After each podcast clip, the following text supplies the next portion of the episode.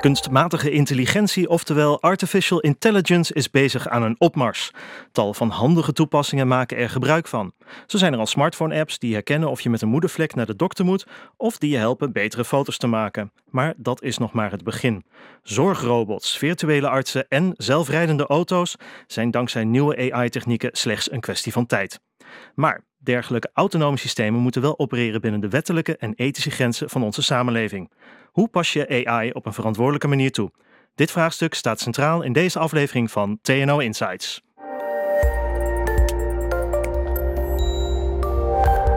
Hallo en welkom. Fijn dat je de tijd neemt om te luisteren naar aflevering 5 alweer van TNO Insights, de podcastserie over de maatschappelijke uitdagingen van dit moment. Mijn naam is Patrick Harms.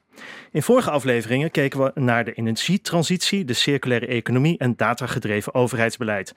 Wil je deze afleveringen ook beluisteren? Zoek dan naar TNO en Insights in jouw favoriete podcast-app, zoals die van Spotify, Apple, SoundCloud en de app van podcastluisteren.nl. En abonneer je dan en dan verschijnen we vanzelf in jouw podcast-app met nieuwe afleveringen. En alvast dankjewel. Terug naar vandaag, artificial intelligence. Daar gaan we de komende 20, 25 minuten het over hebben. En omdat dit nogal een mond vol is, korten we die term af uh, tot AI. En ik praat erover met twee gasten in de studio. TNO Science Director Peter Werkhoven. En jouw huidige onderzoek concentreert zich op hoe mensen virtuele werelden en robots kunnen aansturen. Welkom. En daarnaast Bas Kottering, ook van TNO. En jij bent gespecialiseerd in hoe je als samenleving naar allerlei technologische vernieuwingen zoals AI goed kunt inbedden. En dan uh, hebben we het ook over de ethische kanten van dat soort technologieën. Ook welkom. Dank je. Peter, we gaan het vandaag hebben over kunstmatige intelligentie. Uh, ik gaf al wat voorbeelden ervan, maar wat is dat nou, kunstmatige intelligentie AI? Wat moet ik me daarbij voorstellen? Ja, leuk om over te hebben. Ik heb tegenwoordig het gevoel dat we het vaker over kunstmatige intelligentie hebben dan over menselijke intelligentie. Ja. Uh, en toch is het hetzelfde. Het gaat over leren, het gaat over redeneren, problemen oplossen. Dus uh, leren is bijvoorbeeld, uh, plaatje wat ik zie is dat een kat. Redeneren is als dit een kat is en ik geef hem een pilletje, gaat hij dan dood. En uh, probleem oplossen is meer, hij ligt daar een beetje te spartelen op de grond. En wat kunnen we doen om hem weer overeind te krijgen? Hè? En leren is iets wat de laatste tijd krankzinnig snel met machines, want we hebben het over kunstmatige intelligentie, kan krankzinnig hard gegaan is. Dat betekent dat patronen heel goed herkend kunnen worden. Mhm. Ehm, en, en de reden dat we het er nu over hebben is dat machines uh, een paar jaar geleden ineens in staat waren om de schaakkampioen te verslaan en de go-kampioen uh, te verslaan. Dus we, we, zien eigenlijk dat met dat leren, dat is een beetje de verwachting dat waar we vroeger onze spierkracht vervangen hebben met stoom en elektriciteit, dat we nou onze denkkracht ik zeg niet per se vervangen, maar in ieder geval toch een heel eind ondersteunend kunnen zien uh, voor denkkracht. En ik, ik, ik zou nog willen benadrukken bij kunstmatige intelligentie dat het op dit moment nog niet gaat om emotionele intelligentie. Mhm. Want ik heb computers nog niet echt een goede grap zien maken. Nee, nee. En ook niet om motorische intelligentie, want ze zijn nog niet in staat om ons hart te knippen en bloem te schikken. Dus het gaat over leren, patronen herkennen. Echt het, het, het denkwerk, zeg ja. maar. Oké. Ik gaf in mijn inleiding, Bas, al een uh, aantal voorbeelden van uh, apps uh, die je hebt waar dan AI in zit.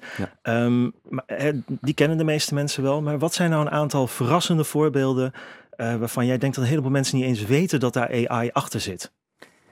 Ja, nou je kunt inmiddels bijna zeggen, waar zit het niet in? Ik heb maar even de, eh, de meest eh, eenvoudige erbij gezocht. Het melk van koeien, wat we in Nederland ontzettend veel doen. Dat wordt gedaan met uh, dairy robots, melkrobots. En die doen dat aan de hand van AI op de meest effectieve manier om de productiviteit van de koeien te verhogen. Maar het zit in alle toepassingen inmiddels maar ook dieper. Als we denken aan de iPhone met uh, de gezichtsherkenning software mhm. die er inmiddels op zit. Uh, in de iPhone zitten gespecialiseerde chips die al zijn ontwikkeld specifiek om toepassingen als gezichtsherkenning heel snel en heel veilig uh, te, kunnen, te kunnen doen. Dus de, de hardware is er is er al helemaal op voorbereid om de zo breed mogelijke toepassing te, onder, te ondersteunen. Het, het, is dus echt overal om ons heen, zonder dat we het echt merken. Nou, nou, was mijn vervolgvraag, ga ik even heel eerlijk zijn, uh, is dit nou een trend of een fundamentele ontwikkeling? ik geloof dat ik hem zelf na deze introductie van jullie al kan beantwoorden met ja, het is een fundamentele ontwikkeling. Ehm, wat voor ontwikkelingen zien jullie voor je in de komende 10 tot 15 jaar op dit vlak? Ja, als ik hem mag beantwoorden, is het een hele fundamentele ontwikkeling. Ook omdat we hem zo hard nodig hebben. Het is niet zomaar een technologie die over ons heen komt.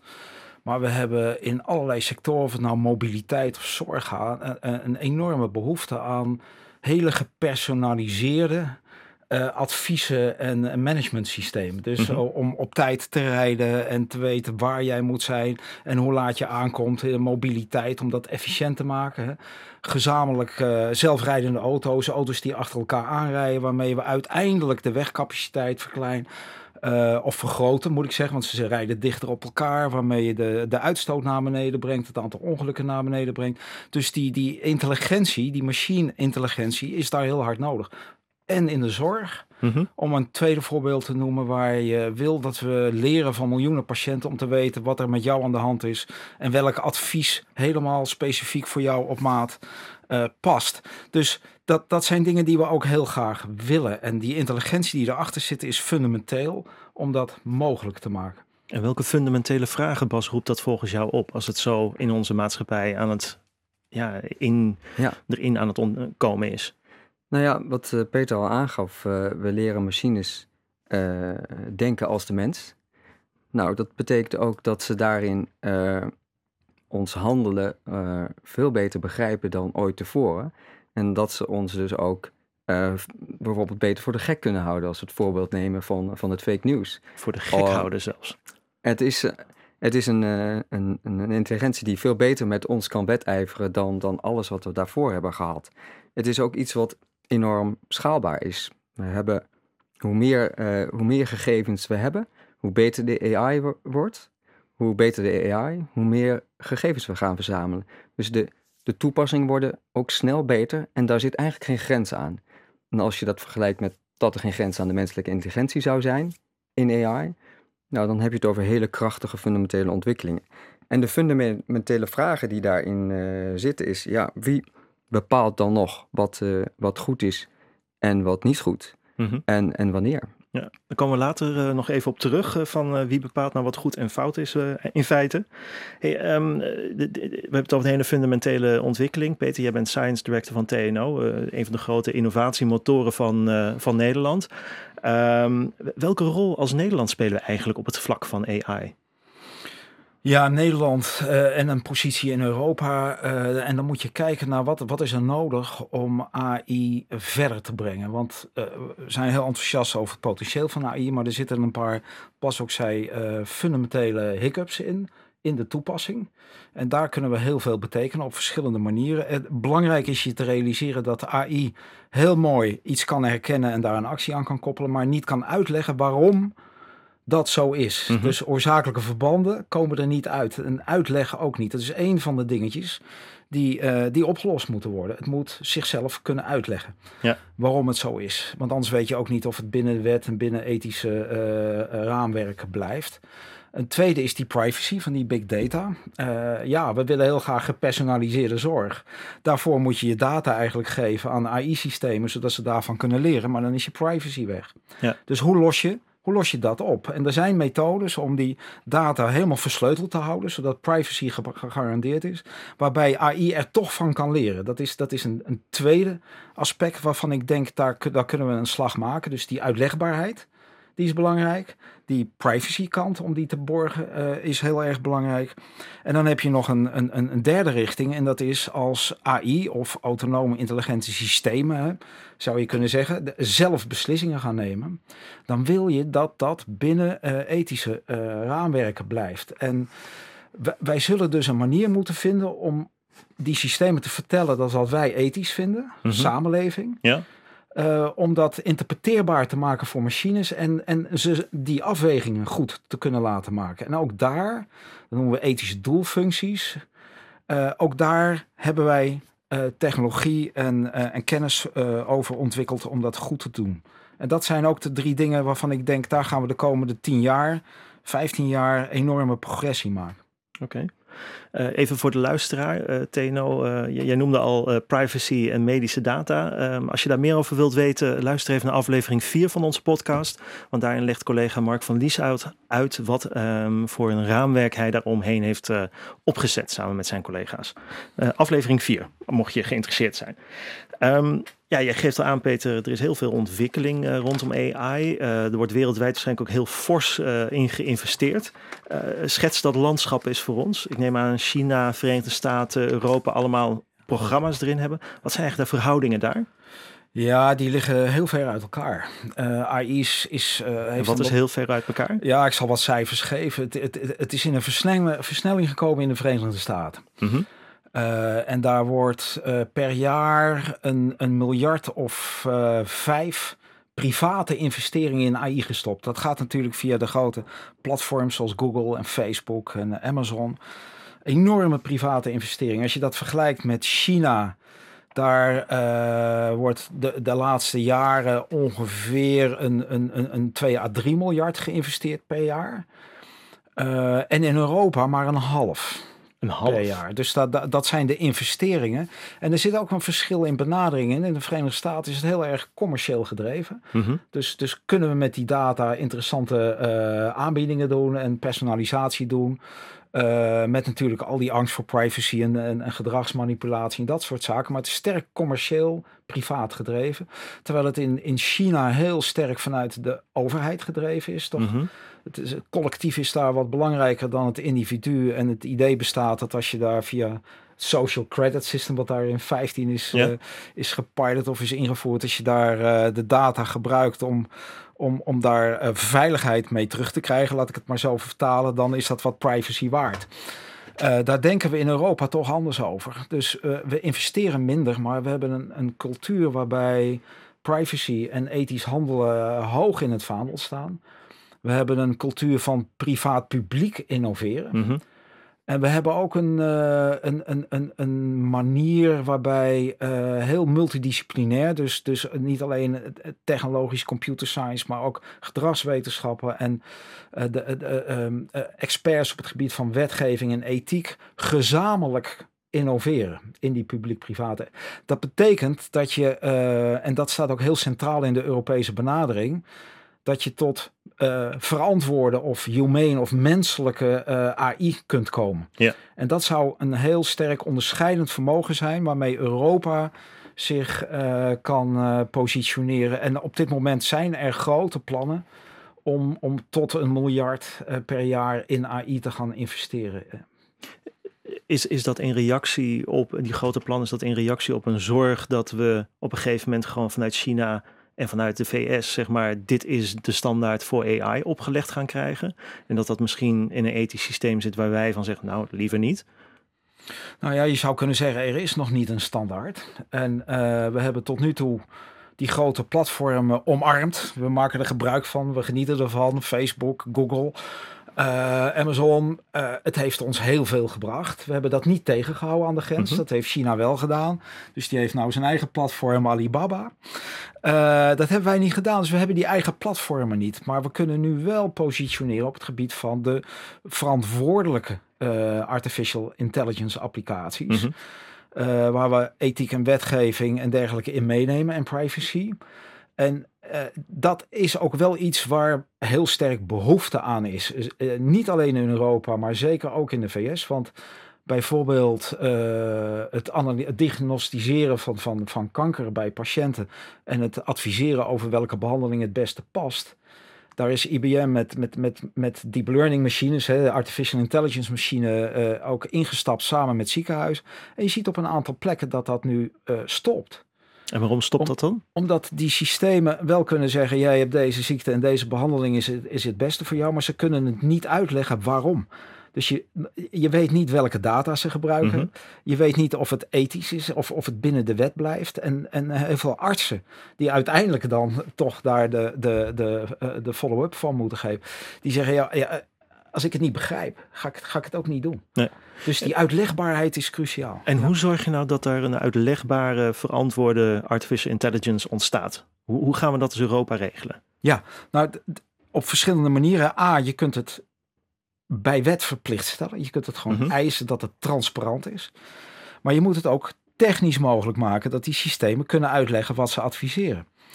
Uh, en daarvoor is het niet alleen maar belangrijk dat die systemen kunnen leren, zoals mensen dat ook doen. Hè? Mhm. Gewoon, ik zie een plaatje van een kat en het is een kat, maar dat je kan uitleggen waarom jij denkt dat het een kat is. En daar heb je redeneervermogen voor nodig. Dat is ook een tak van kunstmatige intelligentie, die niet zo hard is gegaan als dat leren. Hè? Mhm. Uh, maar die gecombineerd moet worden met dat leren om tot die uitlegbaarheid te komen. En daar zijn nu erg veel mensen ook heel hard mee bezig. En, en dat redenerend vermogen, dan kom je meteen eigenlijk op Bas zijn terrein uit met, ja, wat zijn dan de ethische vraagstukken? Wat komt zo'n lerende AI ja, entiteitssysteem, hoe noem je dat eigenlijk? Entiteit eh, noem ik het maar even voor mezelf. Wat, wat komt zo'n AI dan allemaal tegen? En wat komen wij als mensen tegen in het zorgen dat die gaat leren te redeneren? Ja, dat, dat is een, uh, dat is een beetje de holy grail. Dat is een, een, het allerlastigste vraagstuk.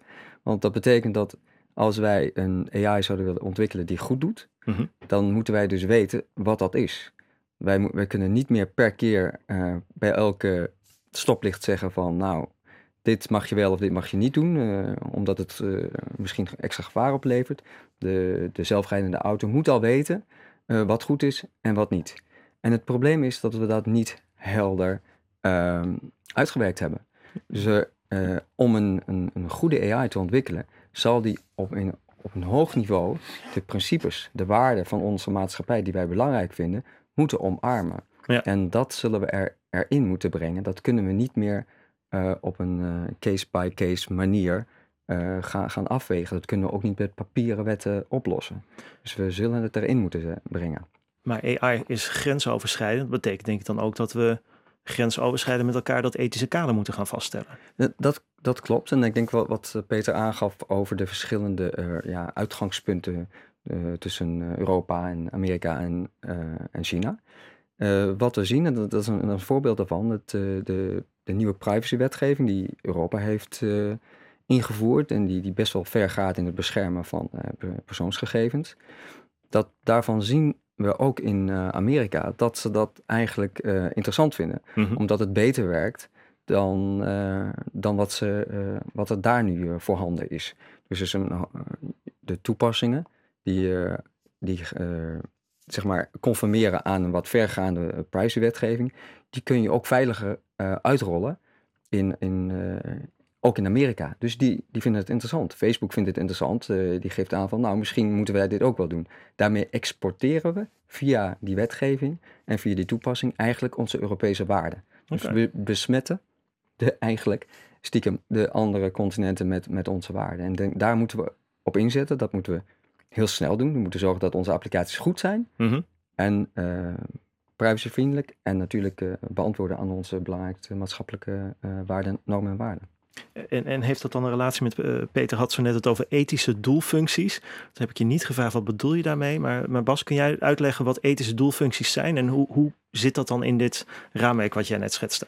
Nou ja, uh, Peter zal er ongetwijfeld uh, op, nog op doorgaan. Maar wat we willen is dat die, de principes om besluitvormingen te maken, of het nou een, een, een, zelfrijdende auto is of een, inderdaad een medische diagnostische software, uh, daarvan willen we uh, kunnen optimaliseren binnen de uh, waarden en normen die we hebben ingeprogrammeerd. Hè? Dat mhm. moeten we nog heel erg bekijken hoe we dat kunnen doen. Um, dat hij zich houdt aan, aan, aan, bepaalde grenzen. En dat hij optimaliseert in de richting van wat wenselijk geacht wordt ja, voor, voor, voor menselijk handelen, voor menselijk welzijn. Dat, dus je kunt het zien als een, het optimaliseren in de juiste richting. Die richtingen die moeten we dan wel weten, want die hebben we eigenlijk nog nooit zo met elkaar uh, scherp neergezet. En dat zijn de Europese uh, initiatieven die nu gaan kijken, ja, wat is belangrijk? Hoe, maar hoe zorg je dat een robot uh, goed doet? wat betekent dat? Dus er zijn al een aantal handvatten, maar dat zullen we ook in die systemen moeten ja, embedden. Dat kunnen we niet achteraf doen. En dan heb je het over de Europese richtlijnen die op dit moment door de High Level Expert Group van de Europese Commissie volgens mij worden samengesteld op dit moment. Uh, dat zijn, ja, dat zijn er meerdere. Er zijn een heleboel initiatieven. Er wordt ook, een, wordt ook aangegeven van er zijn er te veel. Er zijn ook Amerikaanse initiatieven die, die zich daar natuurlijk heel erg, uh, en, en, en, global initiatives die zich daar zorgen over maken. Mhm. Maar daar zal op de een of andere manier ook wel lijn in moeten komen. En Europa probeert daar een beetje nu het voortouw te nemen. Door niet alleen te denken over ja, waar die, wat die richtlijnen op papier zouden moeten zijn. Maar ook door bijvoorbeeld in Claire, dat is een samenwerkend initiatief van alle AI-laboratoria, om daar ook handen en voeten aan te geven door die toepassing en die software daar ook aan uh, te laten conformeren. En dat is een stapje verder. Peter, ik zie jou. Je wilt inspringen volgens mij. Ja, dit, dit, dit is zo, zo spannend. Want uh, ja, je hebt ethische richtlijnen nodig. Die definiëren wat, wat we goed vinden en wat we niet goed vinden. Maar Bas zei het al. Ja, wat, wat is dat? Wat is nou goed en niet? Kijk, je kunt in ieder geval zeggen... het moet transparant zijn wat die uh, systemen doen. moet uitlegbaar zijn. Maar uh, op een gegeven moment krijg je systemen die echt in spannende situaties autonoom afwegingen moeten maken. En dan zullen ze dat van ons mee moeten krijgen. En daar zit, daar zit wel een uitdaging. Uh, een heel mooi voorbeeld vind ik de Moral Machine van MIT. Hè. Uh, wat, wat doet de Moral Machine van MIT? Nou, dat was een experiment. Ze hebben online hebben ze een verkeerssituatie voorgelegd aan mensen. Uh, eigenlijk niet ja, aan mensen, maar stel dat jij een, uh, een, een zelfrijdende auto bent mm -hmm. en je hebt mensen achterin zitten. En je rijdt op een zebrapad af waar uh, ja, een variëteit aan mensen rondloopt. Kleine kinderen, uh, oude mensen, mannen, vrouwen, honden, uh, criminelen. Welke afweging zou, jou zou, zou jij maken? of je rijdt in, in de zijlijn tegen een betonnen blok aan. En dan red je de mensen die achterin zitten. Of je, nee, sorry. Dan, dan heb je een gezondheidsrisico of een overlijden van de mensen achterin. Of je rijdt rechtdoor. En dan ja, dan overlijden er mensen op dat zebrapad. Zo, zo hard is de keus gelegd. En daaruit, door miljoenen mensen heel veel keuzes voor te leggen, krijgen ze op een gegeven moment een voorkeursprofiel. Of jij liever oude of jonge mensen, of mannen of vrouwen, of uh, en dergelijke. Het, het, komt er gewoon op neer dat mensen gemiddeld genomen katten en honden en criminelen wat makkelijker aanrijden dan ja. uh, kinderwagens en vrouwen en, en, jonge kinderen. Maar dat verschilt uh, per deel in de wereld. Dat, uh, daar zitten enorme uh, cultuurverschillen in. En daar zie je al dat goed en kwaad niet zomaar één ding is. Mm -hmm. uh, toch zullen wij als samenleving, ik vind artificial intelligence en vertellen wat wij goed en, en, en, en slecht vinden, dus die ethische waarden, dat vind ik eigenlijk een, een, een heel een, een moment in de geschiedenis waarbij wij onszelf dwingen om een spiegel van de samenleving in te zien. Ja. Uh, want wij zullen veel explicieter moeten aangeven wat wij ethisch wel en niet verantwoord vinden. En dat begrijpbaar maken voor die machine. Dus eigenlijk bijna gaan kwantificeren. Ja. En nou. hoe kwantificeer je dat dan, uh, Bas?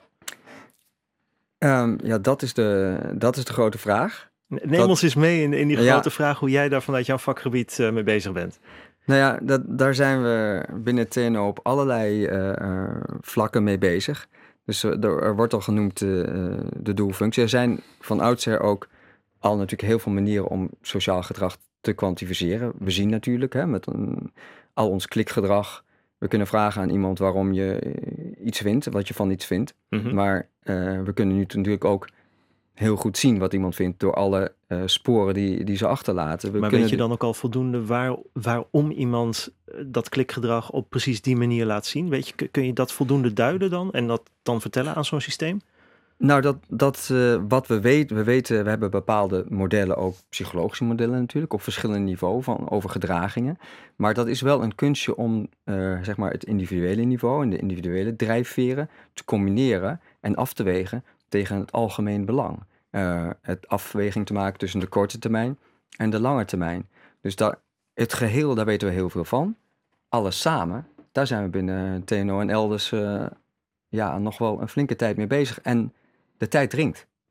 Ja, en op sommige gebieden doen we het in feite al. Hè? Als, een, ja. uh, als iemand een afweging moet maken tussen een hele een uitgave voor een kostbare operatie uh, versus de leeftijd van iemand die die operatie moet ondergaan. Uh, een longoperatie voor een 100-jarige mens, dan, dan vindt daar ergens toch impliciet een afweging, een kostenbatenafweging. Dus de waarde van het leven versus de kosten van die operatie.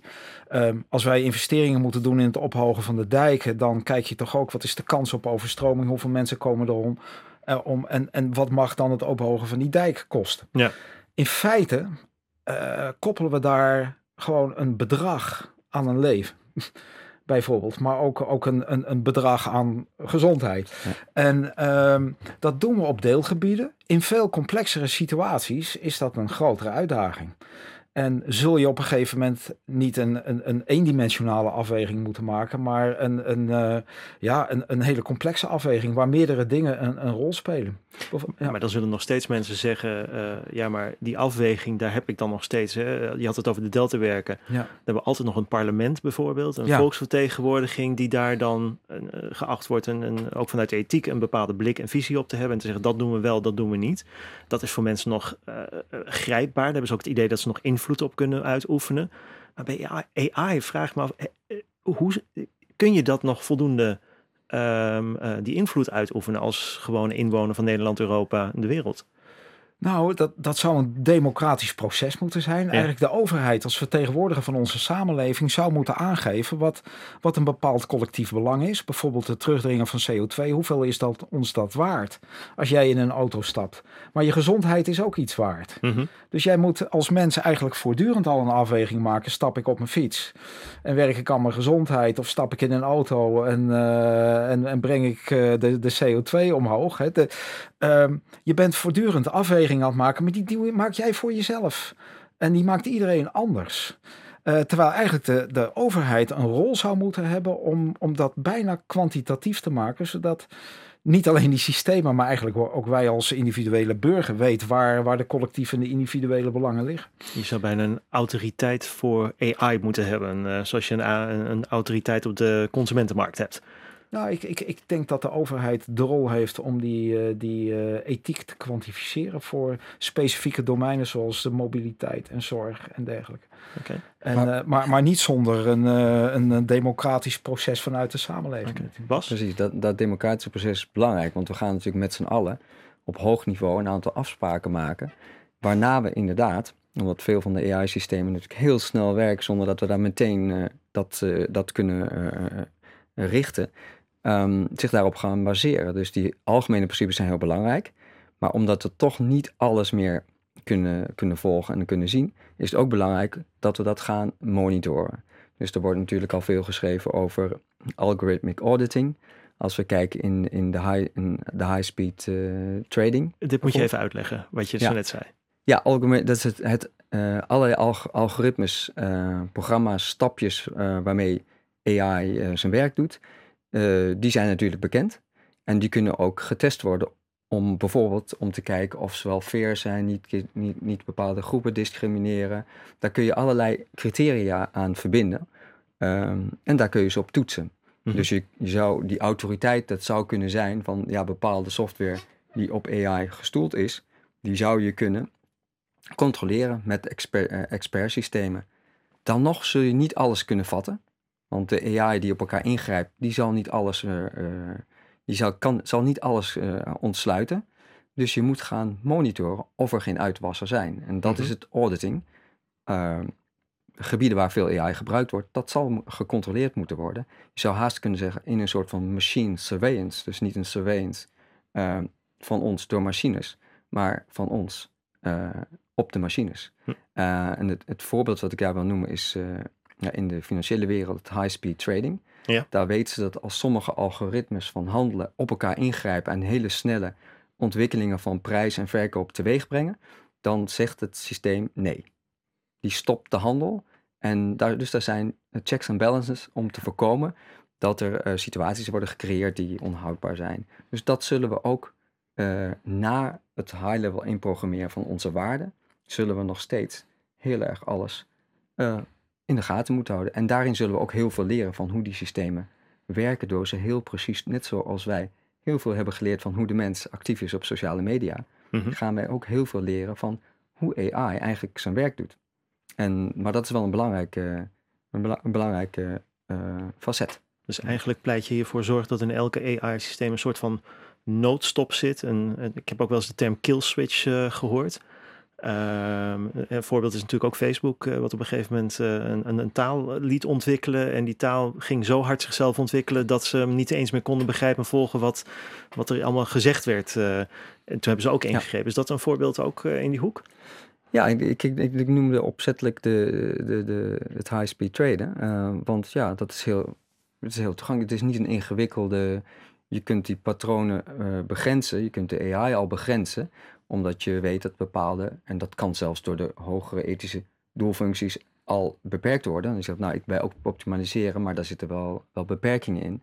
Dus inderdaad, uh, grenswaarden en, en controles achteraf, dat is, uh, dat is iets wat je continu zal moeten doen, omdat we onmogelijk precies kunnen volgen hoe alle systemen, we hadden net even aangegeven, AI zit overal in. Mhm. AI uh, praat ook met andere AI om dat proces uh, te kunnen volgen. Zullen we nauwkeurig kunnen monitoren. Ik denk, je kan het vergelijken met op dit moment in onze maatschappij is maar gevat in, in wetten. wat al, alles wat wel en niet mag en ook wel in gewoonten natuurlijk. Maar een heleboel dingen zijn daar gecodificeerd. Bij alle AI die je ontwikkelt, codificeer je gedrag van machines. En dat moeten we nauwkeurig in de gaten houden, omdat het ook heel erg onze maatschappij gaat bepalen. Dus de codificaties, die moeten we in de gaten houden. Kloppen ze niet, of hebben ze uitwassen, uh, dan passen we ze aan. Oké. En dat kan. Tot slot, uh, eh, AI positieve ontwikkelingen met wat, nou ja, wat, wat, wat, wat uh, spanningsvelden daaromheen? Of zeg je gewoon nee, het is gewoon een goede ontwikkeling, Peter? En daar moeten we vol voor gaan. Ik zeg dat het een, een ongelooflijk potentieel heeft. Uh, maar dat we het wel op een beheerste manier en een verantwoordelijke manier moeten doen. En dus een, een benadering waarbij je zegt, ik, uh, ik vind het eng en er zitten allemaal risico's aan, we doen het gewoon helemaal niet, dan gooi je het kind met badwater weg. Dat zou ik, uh, dat zou ik niet doen. En ongeremd alles gang laten gaan, dan, dan loop je toch het risico dat je die kill switch moet gaan indrukken. En dat is eigenlijk alleen maar een, eh, een, een noodmaatregel. Mm -hmm. We willen het potentieel benutten, maar op een verantwoordelijke manier. En daar zijn gewoon mogelijkheden voor in het vizier deels al bestaan, deels in ontwikkeling waarmee dat kan. En dat vind ik de uitdaging. Oké. Nou, de komende jaren gaan we als TNO natuurlijk ook aan bijdragen aan die uitdaging. Uh, ik denk dat het uh, super spannend is om dat uh, te volgen, hoe dat allemaal gaat. Bas en Peter, dank jullie wel voor jullie tijd en dat je ons op zijn minst op weg hielpen in het onderwerp artificial intelligence. wil je als een luisteraar nou meer weten over artificial intelligence? Hou dan de komende tijd onze website in de gaten, tno.nl. Want TNO publiceert daar de komende tijd regelmatig achtergrondartikelen over AI. Klik dan op tno.nl en rechtsbovenin zie je TNO Insight staan. Daar vind je die achtergrondartikelen en ook de afleveringspagina van deze podcast. En zoals altijd, leuk dat je luisterde naar deze aflevering. Zoals gezegd, wil je op de hoogte blijven? Abonneer je dan via jouw favoriete podcast-app. En je ziet ons daar vanzelf weer over twee weken verschijnen. Dank voor nu en tot dan.